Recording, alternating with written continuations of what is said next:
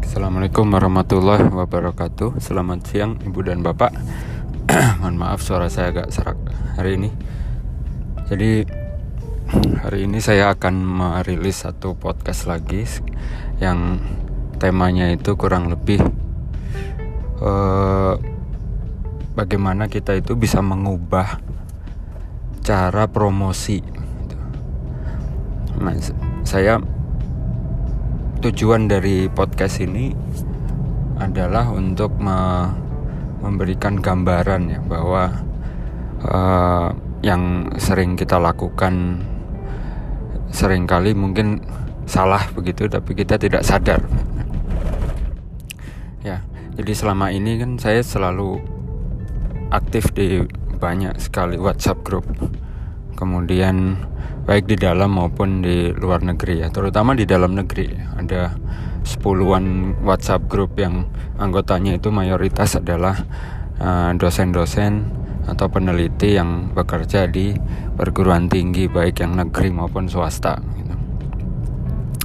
nah di setiap minggu itu ada saja pengumuman macam-macam pengumumannya uh, antara lain pengumuman kegiatan pengumuman uh, apa mungkin pengumuman yang terkait dengan uh, kementerian begitu yang dirilis oleh kementerian ya atau pengumuman-pengumuman tentang uh, rilis atau penerbitan makalah dari anggota WhatsApp group gitu.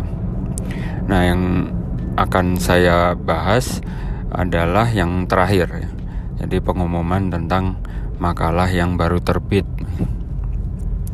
Nah, selama ini kalau saya lihat itu terus terang membosankan sekali ya karena pengumuman itu biasanya pendek sekali dan sebenarnya tidak tidak me, tidak menggambarkan apa-apa sebenarnya sekarang pengumuman itu biasanya cuma begini saja ucapan syukur kemudian yang kedua ma, telah terbit makalah kami uh, berjudul X begitu bahkan judulnya kadang-kadang nggak tidak disampaikan begitu ya di jurnal Z begitu dengan status terindeks Scopus dengan Q sekian misalnya. Sudah selesai begitu ya. Jadi umumnya begitu, umumnya.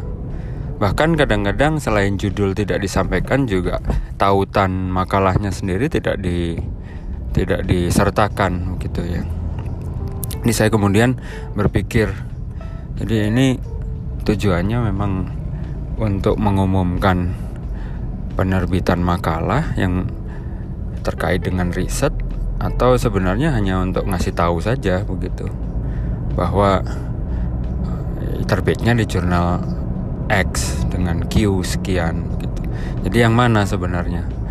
Kalau tujuannya yang kedua, oke, nggak ada masalah.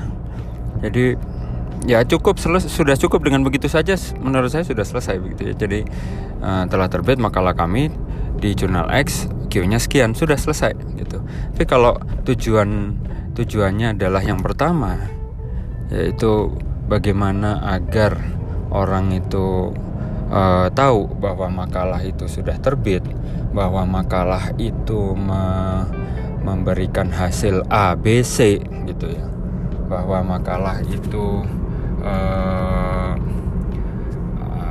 apa namanya bermanfaat untuk uh, beberapa uh, stakeholders misalnya A B C juga begitu ya.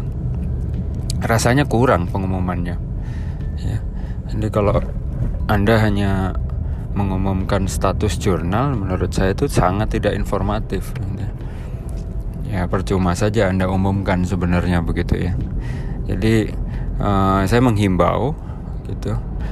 Uh, atau mengajak lah kalau menghimbau itu siapa saya ya.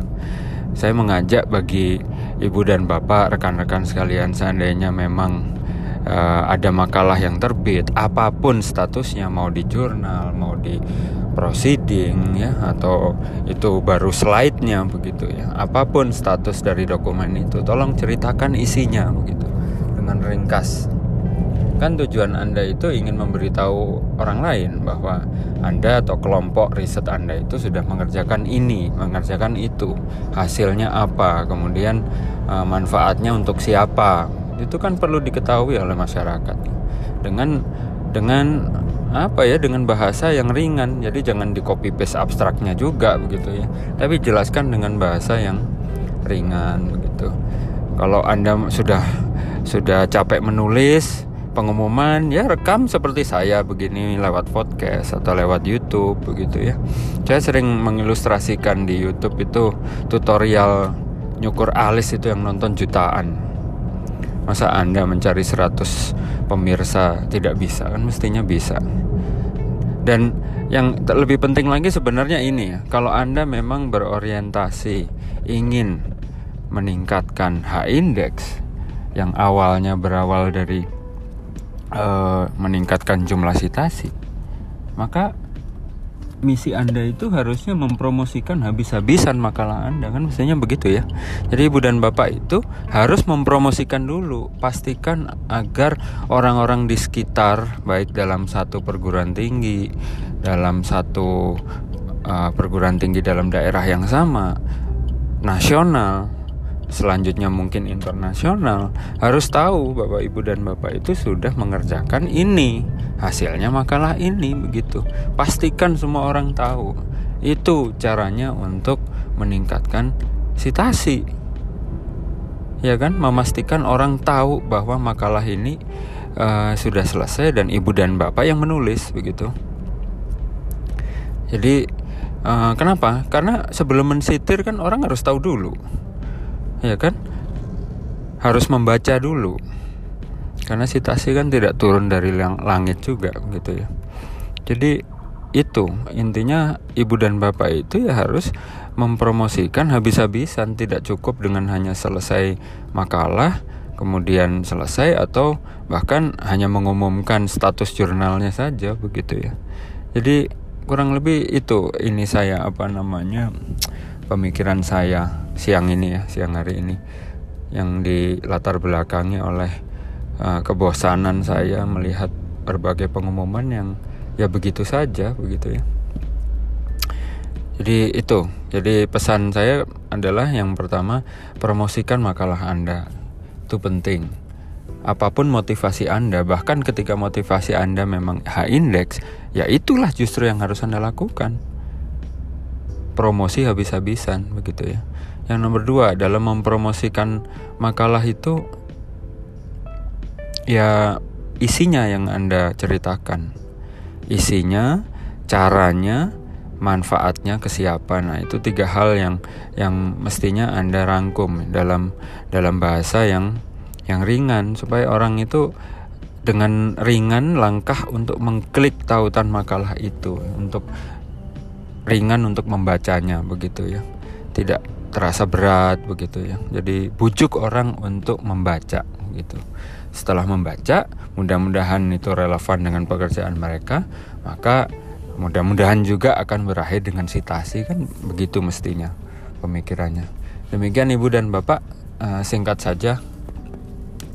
Uh, terima kasih sudah mampir nih ke podcast saya uh, ketemu dalam podcast-podcast yang selanjutnya. Mudah-mudahan selalu sehat kita semua untuk bisa terus uh, menuntut ilmu, melakukan riset dan sekaligus menyebarkannya secara luas ya. Terima kasih, selamat siang. Assalamualaikum warahmatullahi wabarakatuh.